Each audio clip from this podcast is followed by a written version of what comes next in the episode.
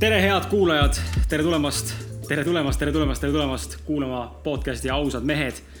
taas kord käes on reede, uus saade, uued mõtted, uued emotsioonid, uued tunded, uued kogemused, uued seosed mina olen äh, Kris Kala Juhan Pekk. ja Juhan Pekk on täna minuga kõrval. Juhan Pekk on äh, otse tulnud Pekingist. aga tänane saade on äh, tänane saade tuleb väga eriline, sellepärast et te kuulate Eesti parimat podcast'i. Te kuulate Eesti kõige kuulatumat podcast'i. Te kuulate, te kuulete infot Eesti kõige parematelt podcaster itelt. võitnud aasta podcast'ide tiitli. just, kõige ilusamad mehed Eestis, kõige paremate naistega, kes on need elukaaslased, kõige paremad elukaaslased, kõige paremad suhted. Nad näevad jälle kõige paremad, nad teavad kõige parem kõigest kõike. Nad on kõigest, kõikidest alfadest kõige alfasemad mehed üldse see on saade, mida te Sellele peate kuulama. keskendubki meie saade. ja sellele keskendub meie saade, ehk kui siis. kõvad mehed me oleme. kui kõvad mehed me oleme ja, ja irooniast aru võib-olla ei saanud siin naljast, siis, siis äh, kes arvab ära, millest saade täna on? mõelge korra. tänane saade on Egost. just nimelt, täna saade on egost ja egoismist ja egoismismist. ja mina olen Martin Pukspuu tegelikult siis, kui sa oled uus kuulaja ja. Võib-olla hirmutasid, jah, ei tea, millega tegu on. hirmutasid ära võib-olla oma Juhan Pekiga, kurat et jah, mina olen äh, kirjanik Kris Kala ja mu kõrval on Martin Pukspuu, kes on siis personaaltreener. noh, see on jah amet. amet tegelikult on eluotsija, elufilosoof nagu minagi, mõlemad otsime tegelikult seda, kes me oleme ja mida tegelikult tegema peaksime ja mismoodi üldse elu elada õnnelikumalt ja paremini, just. ilusamalt, efektiivsemalt, armastatavamalt, Al austavamalt, alfamalt. alfamalt ei, ei, ei. Aga jaa, teemaks on ego ja, ja see on tegelikult läbi käinud meil saates kindlasti mõned mõned korrad. korraks segan, et äh, meil on siin võib-olla mõni uus kuulaja, et millele keskendub saade Ausad mehed? tahad ise vastata, vastan mina. vasta ise. ise küsin, ise vastan. ausad mehed äh, podcast siis keskendub äh, kõikidele elulistele teematele. teematele, mingi vene aktsent no ma ütlen, mu tüdruksõber on venelanna ja ma tunnen, kuidas mul jäävad külge mõned äh, kõnemaneerid. teematele ühesõnaga, me keskendume kõigele elulisele, suhted, armastus, edu, ebaõnnestumine, raha, karjäär seks, emotsioonid.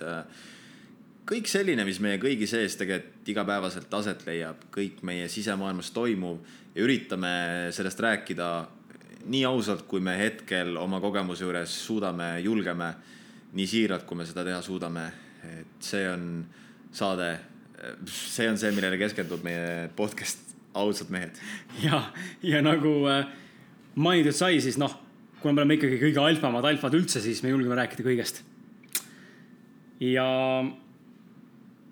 ma ei teagi, see, see teema on tegelikult korduvalt läbi käinud saatest ja me oleme rääkinud ka eelnevalt Martiniga teemal, et millalgi peaks see saate ära tegema. ja, ja kui me nüüd eelmine nädal Martiniga sel teemal telefonis rääkisime sellest, põgusalt seda mainisime üksteisele, et sellest võiks rääkida, siis me tegelikult taju- tajusime mõlemad, et see teema on hästi lai hästi suur ja hästi sügav ja, ja, ja see ikka noh, sinna Aafrikani välja, et teiselt poolt minnes, et ma ei tea, kui, kui väga me jõuame selles saates siin minna detailseks või üldse, kuhu me omadega jõuame, et me püüame siin hakata alustada kuskilt võib-olla ma ei teagi, väga pinnapealselt sellest rääkima võib-olla, aga, aga liigume süviti, et see on ikkagi väga, seal on tegelikult väga mitu tasandit, kuidas inimesed mõistavad ego ja egoismi üldse ja kuidas see tegelikult meid mõjutab. Ja kes ta üldse on või noh, selles mõttes, et tahad sa äkki, Martin, on sul mingi mõte, kuidas seda siin kohe sisse viia, et inimesed lainele tuua, et ja, ja võib-olla tutvustakski seda, mida, mida me peame ego all silmas, sest ego on tõesti nii lai mõiste. iga inimene näeb seda omalt tasandilt ja et nagu inimesed äh, saaksid aru, millest me räägime. natuke tutvustada, mida me ego all silmas peame, et võib-olla tavapäraselt äh, ego on, on ju noh, egoistlik inimene, inimene, kes mõtleb endale äh, arvestamata sealhulgas teisi. egoistlik inimene käitub teiste suhtes mõtlematult ja pidades silmas ainult enda huvisid, on ju, see on võib-olla kõige, kõige pinnapealsem näide, aga ego all mina pean silmas tegelikult seda, kes me oleme. ka oma positiivsete külgedega. et äh, minnes nii-öelda sügavamale, siis me ju inimestena, me ju sünnime justkui puhta lehena ja siis me hakkame omale külge võtma äh, käitumismustreid, harjumusi äh,, uskumusi, kuidas me sellest elust aru saame mm, kuidas me iseendast aru saame, kuidas me suhestume selle maailmaga, meil hakkab tekkima see minapilt, meil hakkab tekkima see, mida me nimetame iseendaks.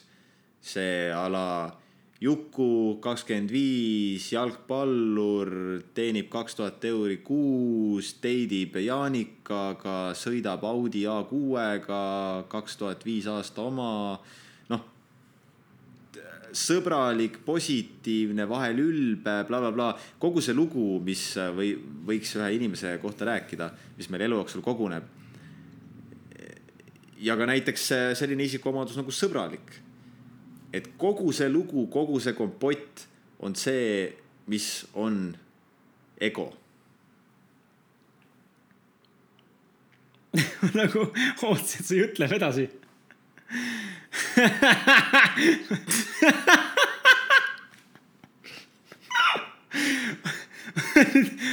hakkasin siin naerma, sest et mul on mõte nii tühi praegu, et äh, ma nagu ootasin, et Martin jätkaks, et ta ei paneks mind ebamugavasse olukorda, aga.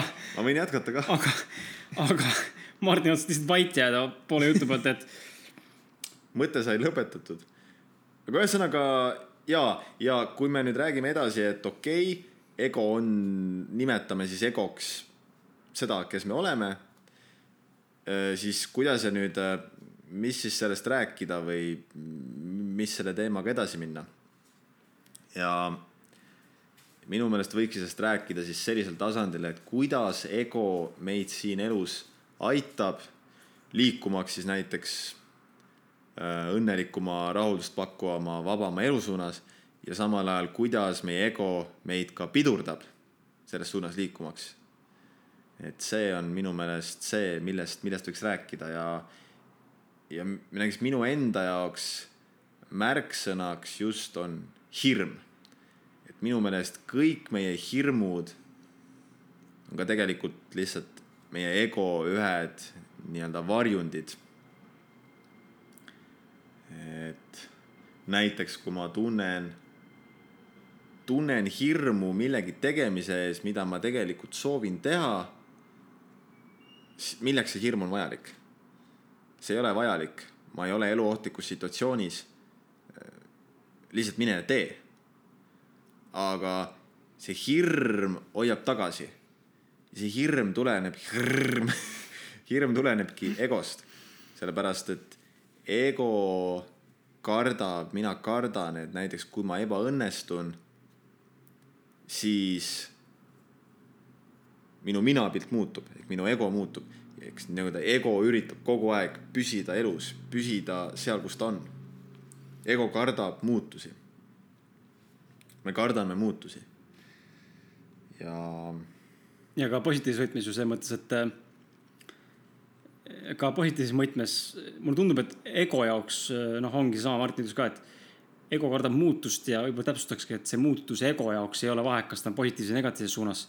et kuna ta on nii selles, äh, kuna ego või noh, meie ise siis või kuidas iganes nimetame, ütleme ego siis on nii, nii kinni mingis tasandis mugavustsoonis ja, ja mingisuguses staadiumis, kus ta on jube hea olla, kõik on mõnus, kõik on täpselt käe järgi pandud, nii nagu talle meeldib. kogu inimese mehhanism töötab nii nagu soovib, on ju, iga reaktsioon on tead läbimõeldud, juba ette ennustatav ego jaoks, siis nii kui inimene teeb selle minapildis muutuse, siis tegelikult ego saab nii-öelda nagu kuulihaavu justkui rindu.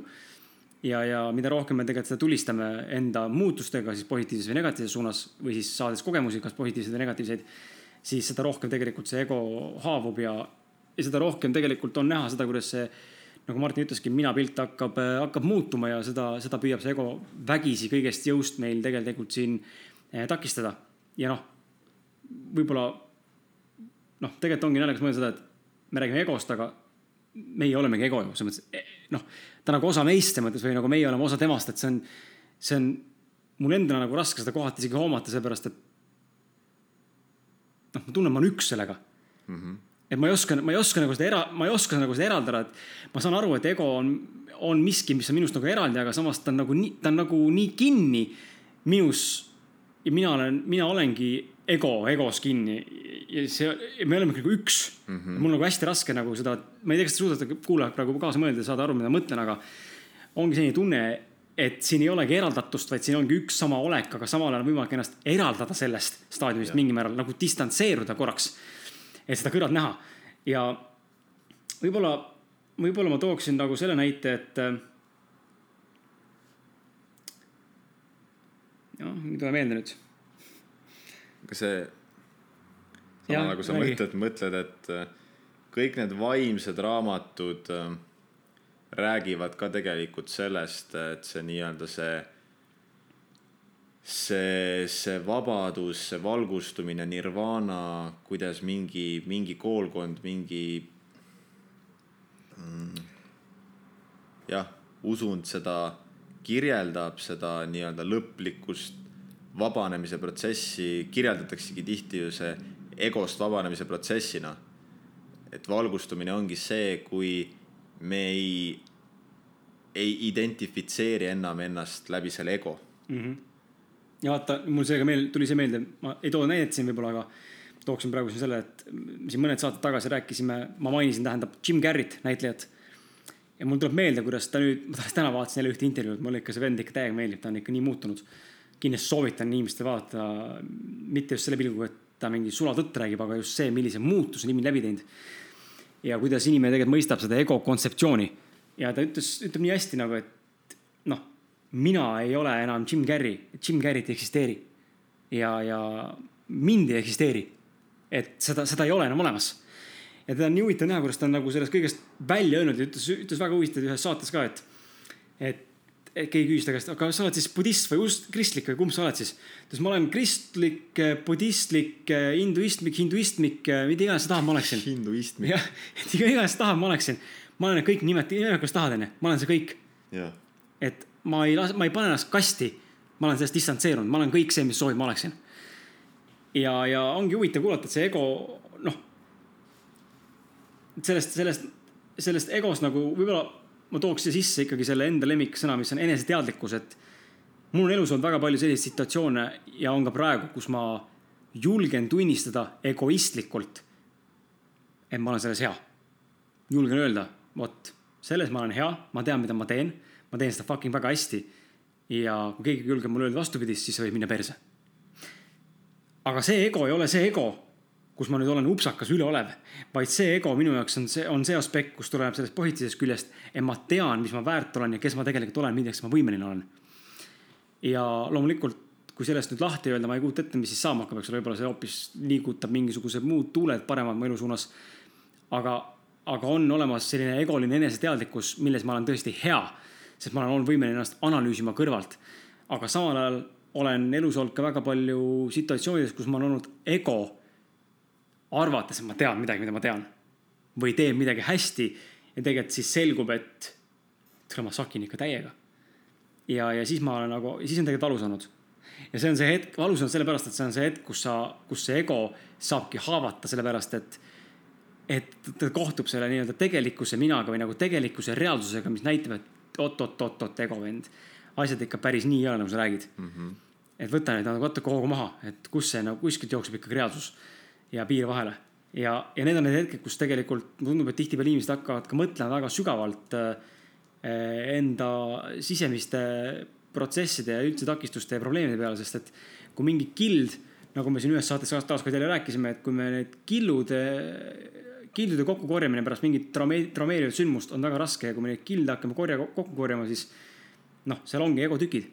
ja, ja, ja kui me suudame neist kildudest ka loobuda mingil määral ja mitte neid kokku pärast uuesti panna, siis tegelikult me loobume ka egotükkidest ja, ja me vähendame seda, seda, ütleme siis seda koormat endal nii-öelda. jah, absoluutselt nõus. ma ise tegelikult tahtsin enne veel äh, lisada siia seda, et mina näiteks ei tea isiklikult mitte ühtegi inimest, kes oleks reaalselt siis nii-öelda valgustunud selles mõistes. ja noh, raamatud küll väidavad. väidavad seda, aga, aga ma isiklikult ei tea mitte ühtegi inimest ja ma olen vahel isegi hakanud kahtlema, kas on, kas selline valgustumine justkui egost vabanemine on üldse võimalik.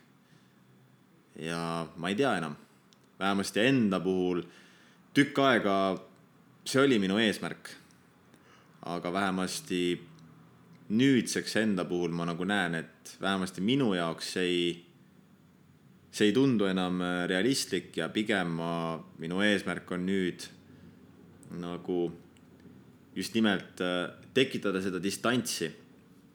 ma suudaksin näha äh, seda egot kõrvalt. et ma ei oleks sellega nii tugevalt nagu haakes, haakunud oma selle identiteedi külge.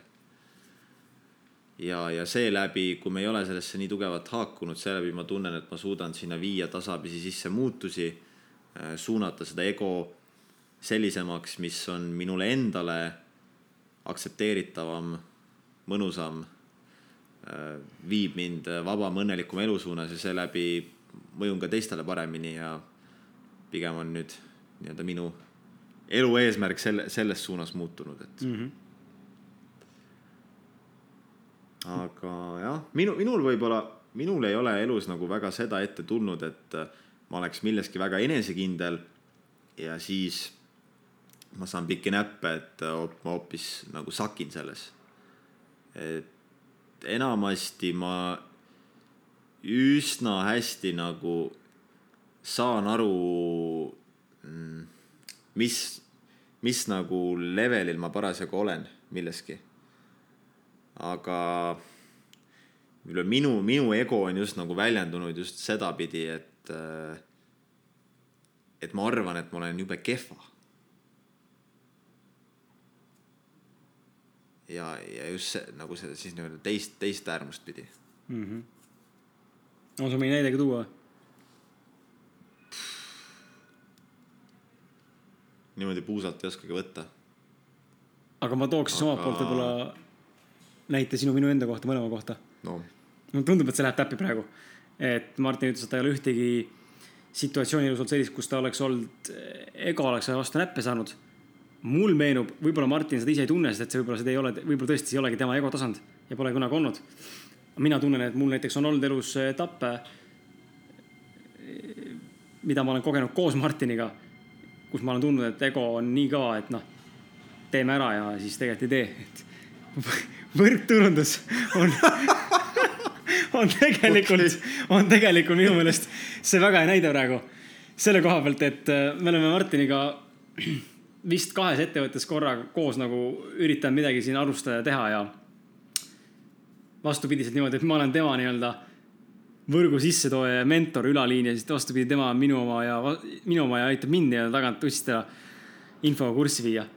ja, ja iga kord ma olen läinud võrku sisse, ma ei tea, millal see valu, võrgu, võrkturunduse ja teema üldse hakkas, see oli väga noorelt juba, aga iga kord ma olen ikka läinud sisse selle mõttega, et noh, muidugi loomulikult need inimesed, kes seal eesotsas on, kütavad sind nii üles, et sa oled nagu selles nii sees, et ma lähen ja valutan raisk terve Radisson tuleb minu alla, onju.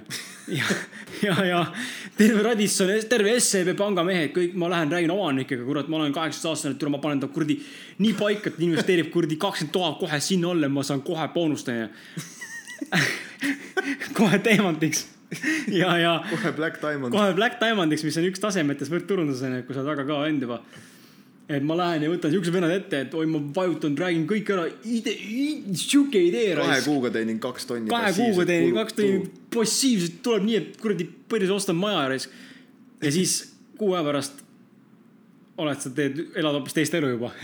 see on minevik lihtsalt ja oled oma võlgades aga, ja oled teinud margi täiesti täis ja tegelikult ära rikkunud ka suhted lähedaste inimestega, kelle oled sa sisse tõmmanud aga huvitav ongi mõelda, et iga kord mul on olnud ka see tuhin on nii üles kütetud nende inimeste poolt, kes on nagu seal tipus olnud mingil põhjusel ja selle kuidagi saavutanud, kas läbi valelikkuse või tõesti läbi tegutsemise. ja, ja nad motiveerivad sind niimoodi ülesse ja tõmbavad sul see nii kuradi püksirihma nii kinni, et sa tahadki täiega tegutseda, hinge enam, mingi õhku pole ja põhimõtteliselt viimase hapnik pealt hakkad paugutama ja. ja on alati mõtlevad ka, et jaa, ma lähen teen, vallutan ja, ja jumala realistlik, ma siin kurat teen kakskümmend kõnet päevas, kakskümmend kohtumist, kakskümmend kohtumist nädalas ja iga päev tuleb kaks liitumist. Iga päev, kui sa teed kümme kohtumist, siis vähemalt kaks tükki tuleb kümnest, no tead, mine perse lihtsalt. See ei ole reaalne. võib-olla on mõne jaoks, aga, aga need, need on olnud kohad, kus mina olen pidanud tunnistama enda, endale, et tõesti, ma olen olnud väga egoistliku suhtumisega ja egoistliku lähenemisega sellega, et ma tean, mida ma räägin, millest ma räägin, ma tean, mida ma müün, ma tean, et ma olen väga osav rääkija, ma tean, et ma olen õiges ettevõttes, ma tean, mul on õige toode, ma tean õige hetk elus, ma tean, et ma olen mõelnud tegema seda, ma tean, et ma olen õige, suudan, suudan tunnistada see on see noore inimese naiivsus nagu see, et ei ole veel mitte mingit elukogemust, onju Äh, ja siis ongi selline tunne, et kõik uksed on mulle lahti. Äh, ma olen kõigeks võimeline, mis on väga hea, mis on väga positiivne.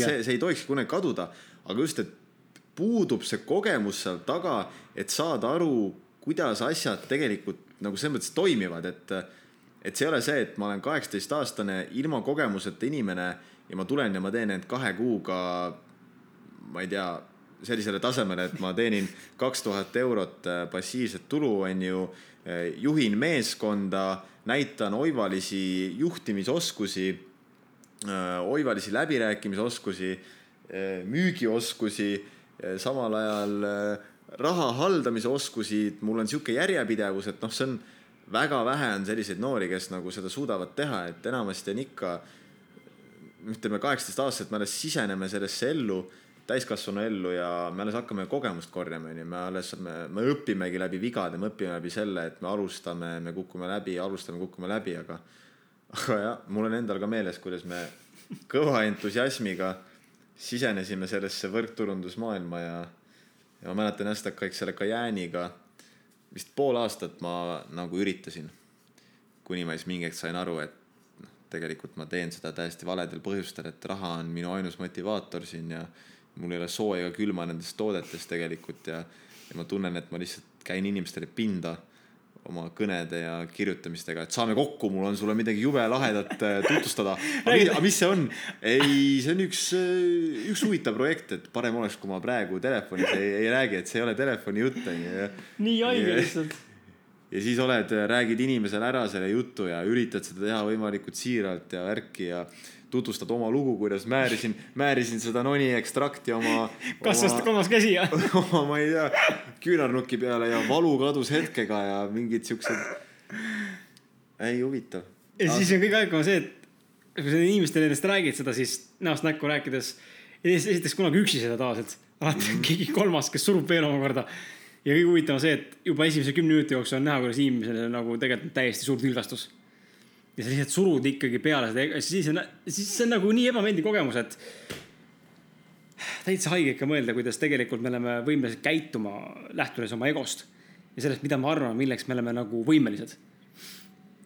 ja, ja võib-olla ma toon nagu ka siinkohal sellise näite, et ka Austraaliasse minnes oli mul väga suur ego sisimas just sellel tasandil, et ma lähen sinna suuri summasid teenima.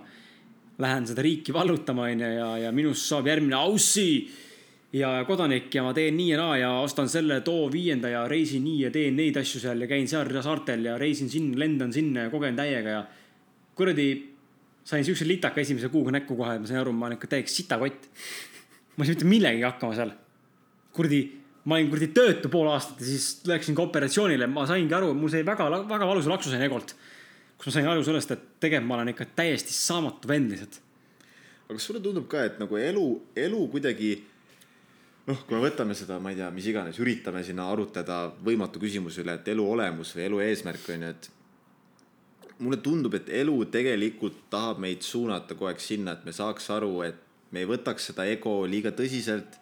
Me suudaks seda distantsi tekitada selle oma tegeliku olemuse ja ego vahele ja suudaksime nii-öelda luua rohkem seda teadlikkust. ja kas sulle tundub ka, et, et elu annabki neid lakse meile selleks, et me nii-öelda ärkaks üles veidi rohkem. jaa, absoluutselt. et me, et kui me ise oleme liiga ülbed, liiga enesekindlad, arvame, et me kõike teame, siis, siis elu tuleb, annab mingi laksu jälle, et nagu hei, et, Wake up. Et just nimelt, et, et kõik, kõik ei ole päris nii, nagu minu sellest kitsast äh, vaatevinklist tundub, eks ju. absoluutselt, kindlasti nõus.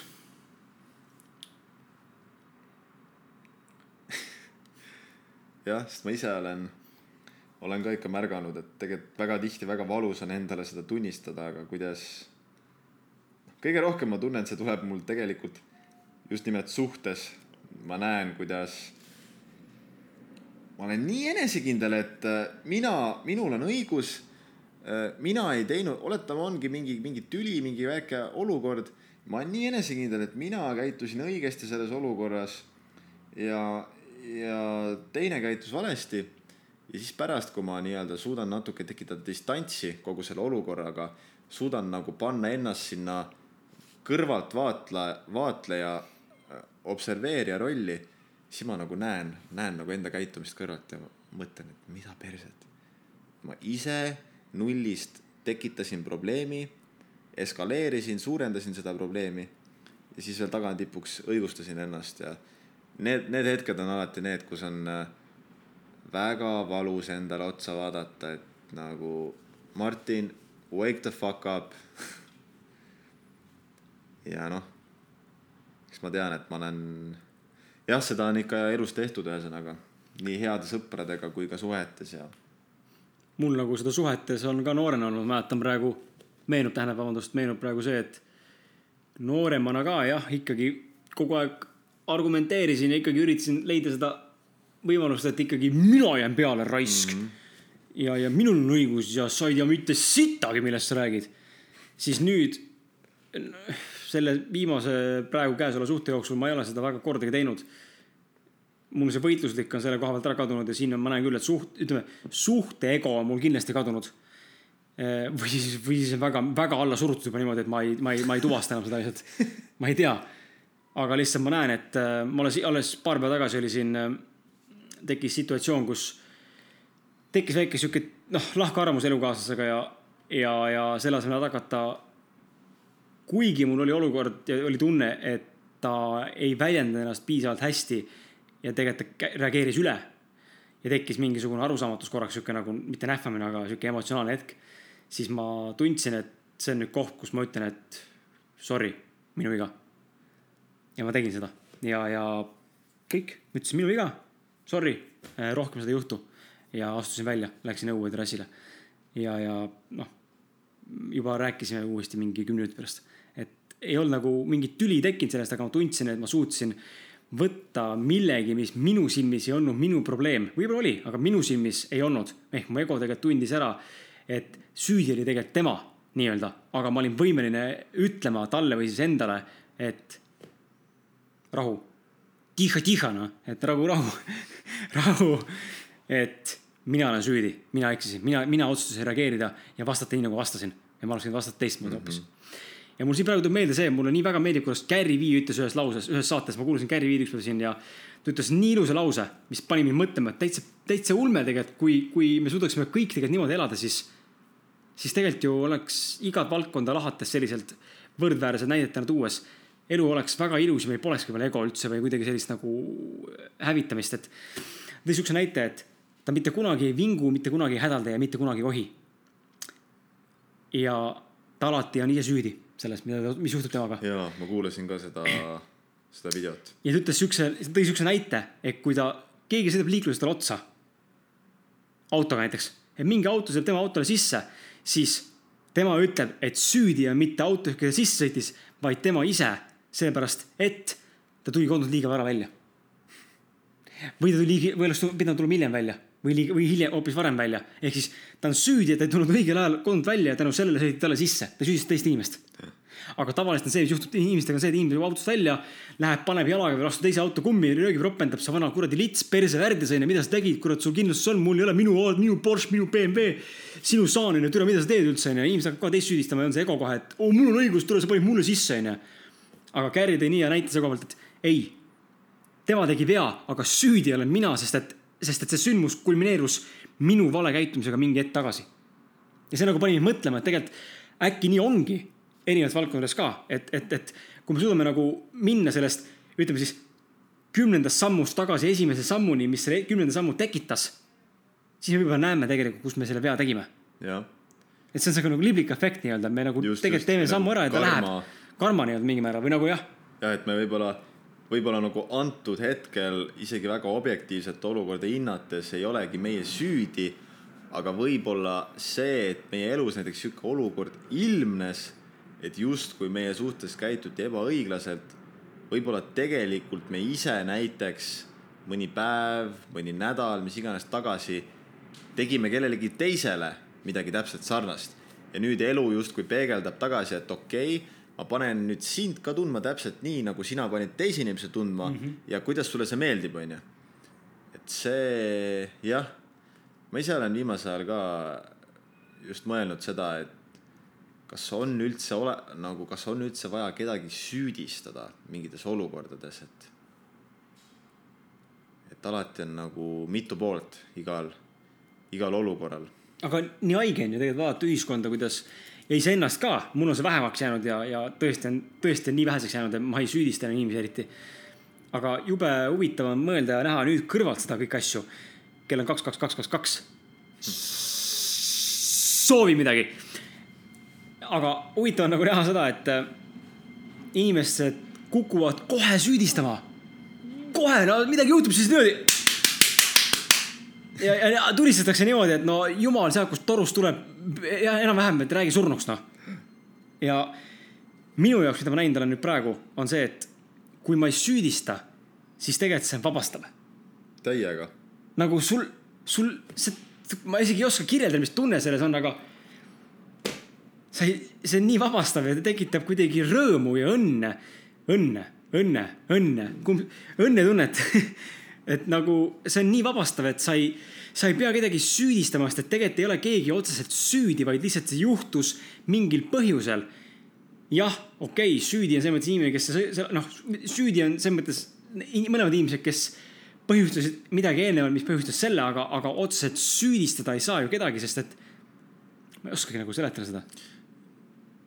jah, et olukord lihtsalt nagu juhtub, on näiteks mitu osapoolt aga keegi ei ole tegelikult süüdi.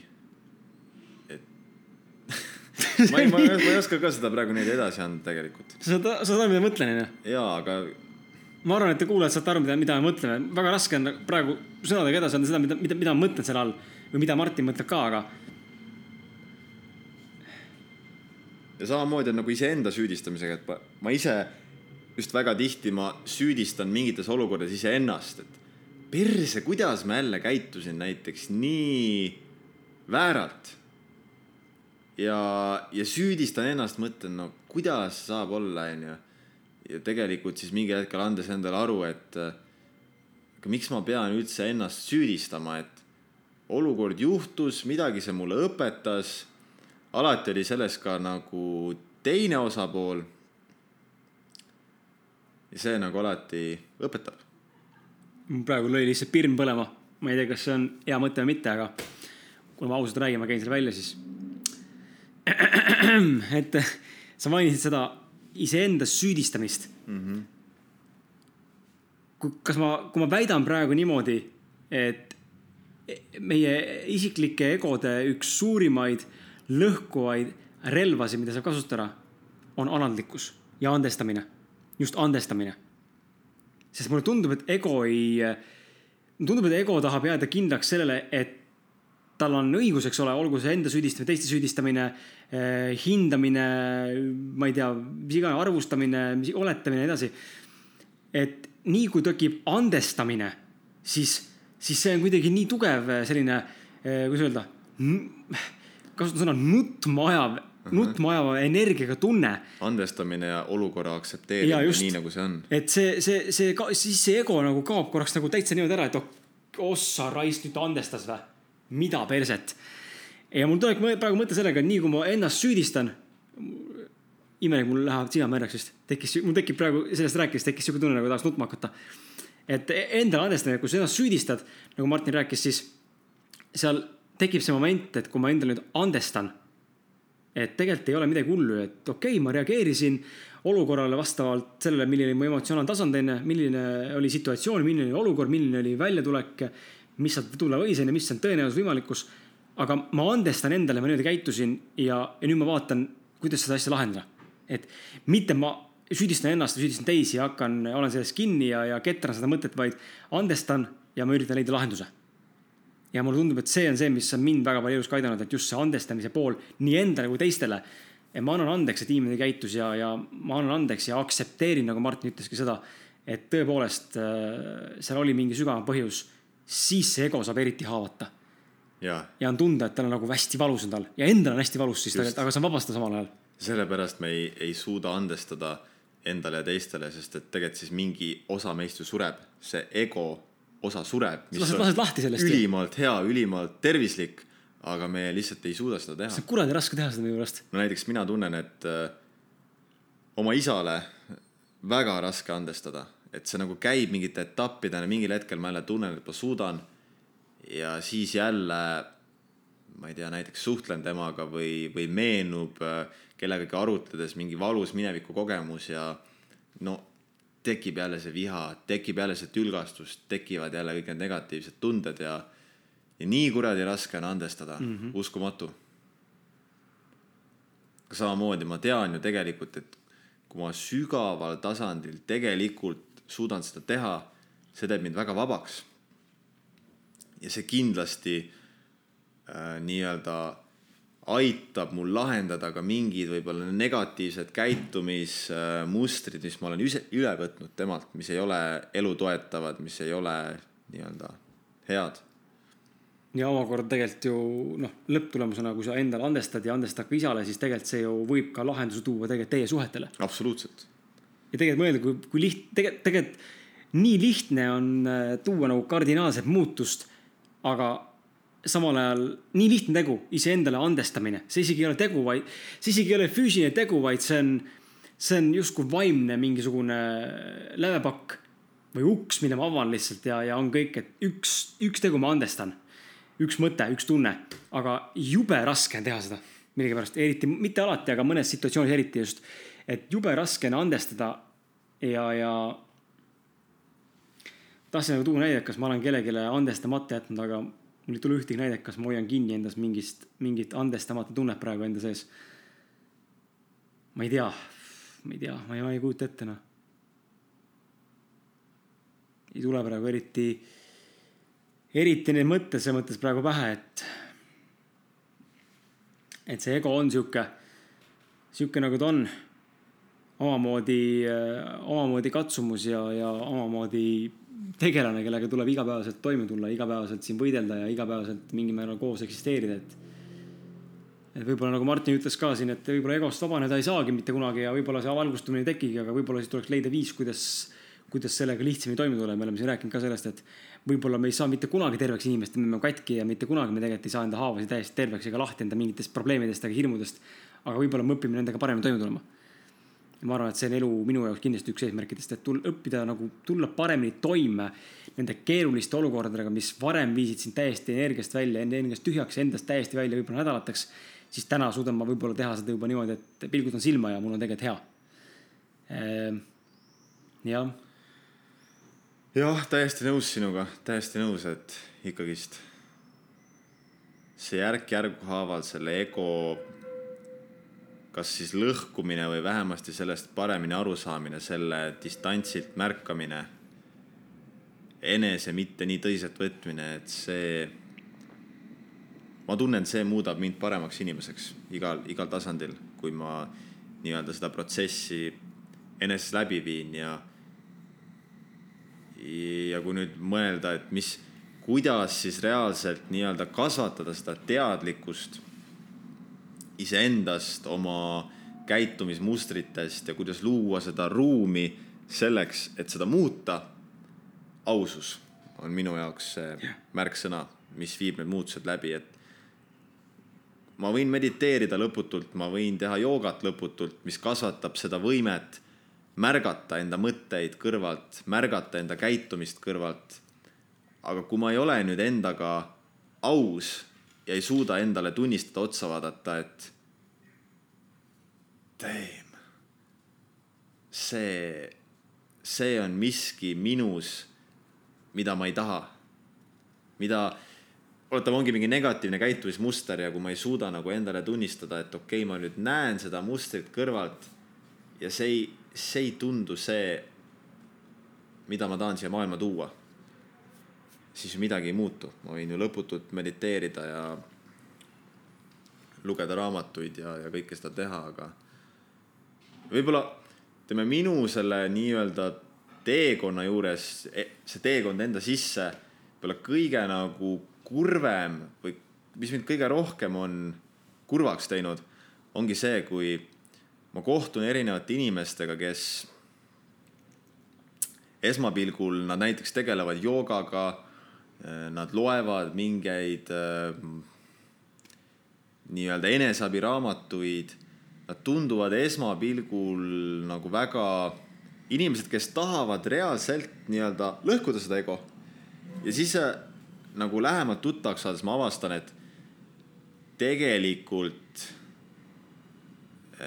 inimene kasutab seda seda enesearendamist ainult selleks, et see ego, ego ehitada veel võimsamaks ja et saaks veel rohkem näidata väljapoole, kui vinge ma olen mm. -hmm. ja see on, see ongi, see on nagu nii kaval, et kohati, kohati nagu on ka endal see küsimus, et kas see, kas see tahtmine muutuda siukseks alandlikumaks ja sõbralikumaks ja noh, inglise keeles on see hea termin humble, humbleness, et olla rohkem humble.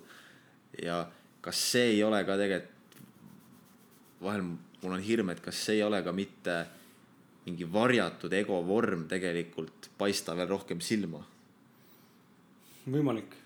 et eh, kust, kust nagu läheb see piir, et ma tegelikult olen oma elu, ego nüüd lõhkunud, ma olen tegelikult saanud vabamaks ja kus on tegelikult see, et ego on kaval ja läbi selle, et ma üritan ennast muuta paremaks inimeseks, ma tegelikult täpselt samamoodi nagu see kõvataja, see alfa, kellel on kõigist savi, kes tahab lihtsalt äh, näidata, kui vinge mees ta on.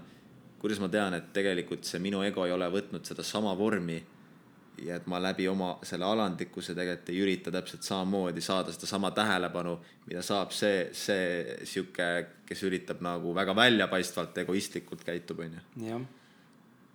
see on, see on nagu teema, millele ma olen palju mõelnud. üritanud endas nagu läbi näha seda. võib-olla, võib-olla siin egost nagu positiivses võtmes ka minu, mul tekkis enne üks mõte selline, et egot on võimalik ju ära kasutada ka väga hästi positiivses võtmes ja, ja just selles, selle koha pealt, et elus saavutada, et kui panna näiteks, noh, toome siukse primitiivse näite, kui panna vastamisi näiteks kaks inimest sihukeste, ütleme sellisesse võitluslikkuse vormi, nagu siin maailmas on, duaalsus on ju, kes on parem, kes on kehvem, tugevam, nõrgem on ju, kiirem, aeglasem. kui panna kaks inimest näiteks mingisse spordiala mängima, üks, üksteise vastu võistlema ja ühel inimesel on väga suur kogemuste pagas, mille pealt tegelikult on kasvanud ka teadmine, et ta oskab seda teha.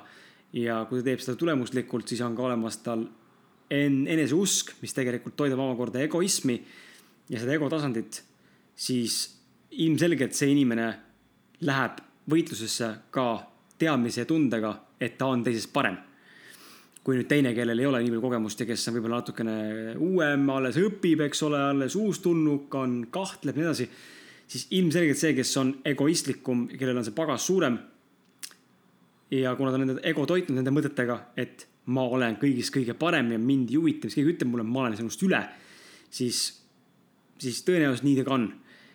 ja ta teebki paremaid tulemusi ja toobki paremaid tulemusi, saavutab paremaid tulemusi ja, ja paremaid äh, saavutusi ja muid asju otsa veel.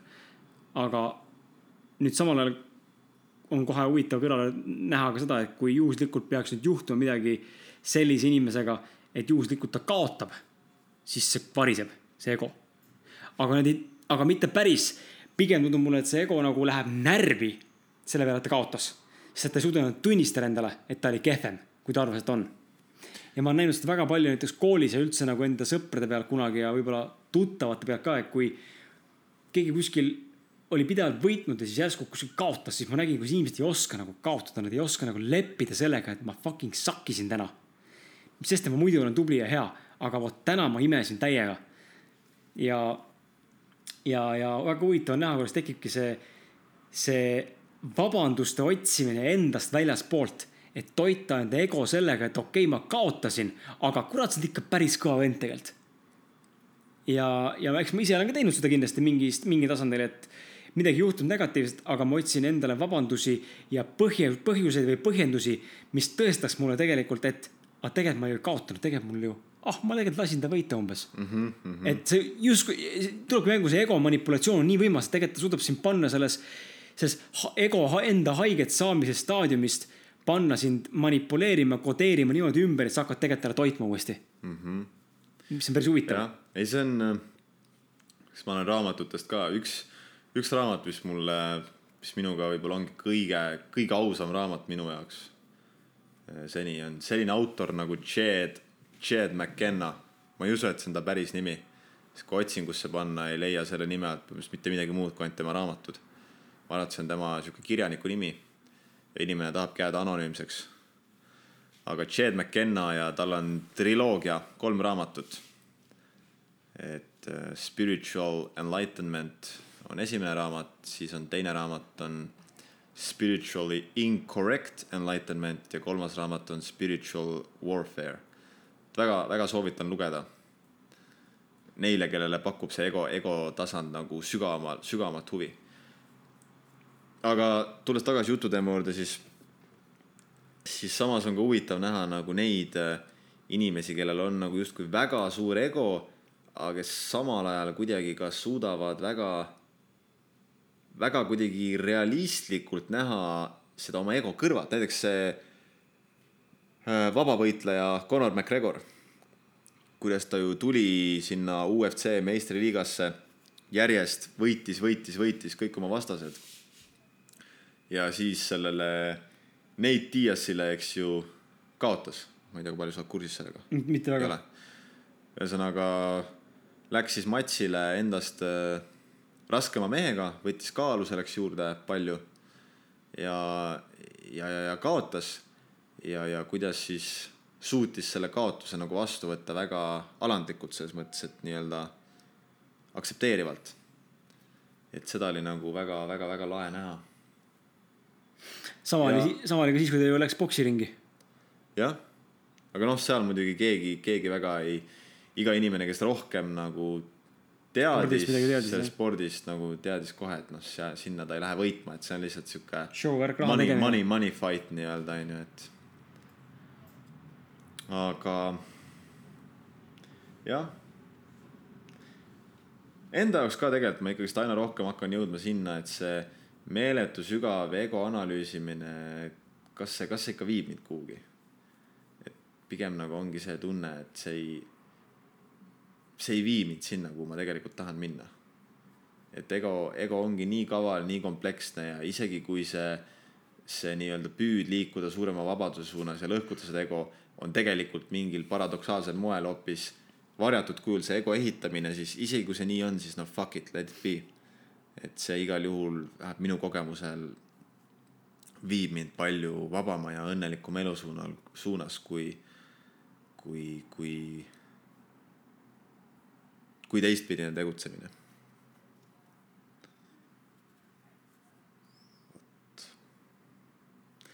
jah, ega tundub, et vist tänaseks hakkavad mõtted otsa saama. ega jah meil siin on tavaks jälle hakkab vist saama see, et tuleb lindistada kaks saadet korraga, et see on teine saade, kui tegelikult saade kümme ja üksteist on lindistatud tegelikult täpselt samal päeval, lihtsalt tulevad välja erinevatel nädalatel. Et, et see on ka põhjus, miks siin saate alguses ei olnud äh, arvustuste inimes-, inim-, arvustust andnud inimeste tänamist. et ma ei tea, kas neid meil selleks ajaks tuleb üldse, et praegu siin huvitav rääkida nagu kohati minevikus, olevikus, et et, et jah, et ja. mõtted hakkavad otsa saama ja väsimus on tegelikult peal ja, ja on tunda seda, et ei ole nii selge ja jube palav on ka, pean tunnistama, et täitsa ulme lihtsalt, et äh, terve see aeg, kui ma siin istunud olen, need kaks saadet, mul on selline tunne lihtsalt, et noh, mul ei ole mitte midagi enam välja higistada lihtsalt. ma nagu tunnen, ma õhetan nagu seestpoolt juba, mul on nii raske olla. ja hästi-hästi palav on, et täitsa pekkis, noh, tuleb mõnes mõttes hea, tuleb Austraalia meelde kohe need kuumad, kuumad lained, kuumad ilmad, kuum kliima. et selles mõttes on, on kihvt, ma olen tänulik, jälle taaskord nagu eelmine saadegi, ma olen tänulik, et meil tegelikult nii soe on Eestis ja, ja ei tasu vinguda sellele, et oi nii palav oli, siis kui külm on, siis nii külm on, et no, kunagi rahul ei ole. tüüpiline meil eestlaste puhul jah, et kui on külm, siis on nii külm ja kui on, kõik tahavad suve ja siis, kui on suvi ja ongi reaalne suvi, on kakskümmend viis kraadi. siis on jälle liiga palav, et noh, sa, ma tunnen ka, ma olen tõsiselt tänulik nende ilmade üle. tõsiselt naudin neid ilmasid ja jah, super. nii kaif on, õues on nii kaua valge noh. varsti on pime kuradi kella neljast juba. see on kurb lihtsalt, kurb periood. aga, aga jah loodame, et äh, saade meeldis teile. Äh, igasugusele tagasisidele oleme väga hästi teretulnud võtame selle rõõmuga vastu, naljakas lause ülesehitus läheb väsinuna juba nii keeruliseks, keeruliseks.. aga loodame ja, et teema oli teile arusaadav.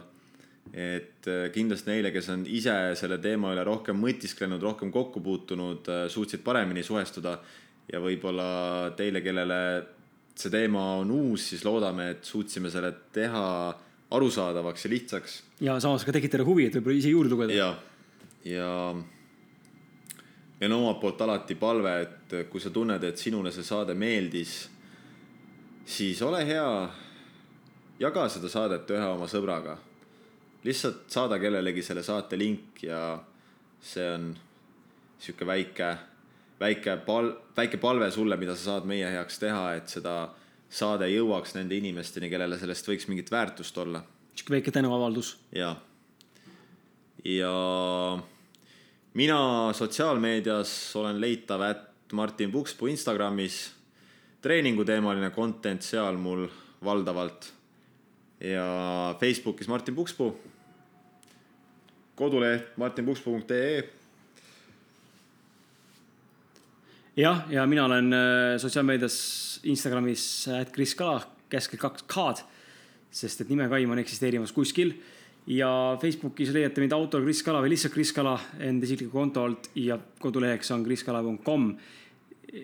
kui see praegu siin saade käib, siis tähendab seda, et see on meil juuli lõpu saade siin, et äh, ma olen sotsiaalmeedias toonud terve juuli pausile, ma kirjutan sellest augusti alguses kindlasti blogipostituse ka mida tegi minuga kuu aega sotsiaalmeediast eemal olemine, et kui sa oled mulle kirjutanud, siis tea, et täna on reede ja, ja tõenäoliselt siin lähipäevil on kohe algamas august, et siis ma ka vastan sulle Facebooki, kui ma pole vastanud veel. et ma ei eira. noh, ei eira teadlikult, eiran teadlikult, selles mõttes, et ma ei ole seal aktiivne praegu. vot, ja emotsionaalsed mehed, vabandust, kuradi persereis, emotsionaalsed mehed et äh, uutele kuulajatele, kui oled juhtunud olema uus kuulaja, et see on täiesti esimene saade, siis tea, et meie saated on siiani, meie podcast on kandnud ühe, kümme saadet nime Emotsionaalsed mehed ja alates üheteistkümnendast saatest muutus see ausateks meesteks. et äh, meie saate sotsiaalmeedia leheküljed Ausad mehed leiate üles ka Instagramist, Facebookist samanimeliselt ja samuti ka oleme saadavad iTunesis ja SoundCloudis. nii et kindlasti, kindlasti kindlasti vaadake, jälgige meid ja, ja olge kursis, et me püüame sotsiaalmeediat ka rohkem hakata aktiivsemalt hoidma, et saaks natuke rohkem teile pakkuda ka nädala sees nii-öelda siis nagu mingitki mõtteid sisu, et ei peaks iga päev reedeni ootama, Martin naerab juba siin, sest ma üksinda paugutan, tulistan jälle. ja see on täiesti okei okay. ja, ja ega ei olegi midagi, mis seal ikka, aitäh kuulamast ja mina poolt tänan viimast korda ja, ja tšau. jah, aitäh teile, olge mõnusad ja olge ausad. nautige suve. nautige suve ja ärge üle, ärge üle. mõelge. ma ei tea, mida iganes ärge üle mõelge. tšau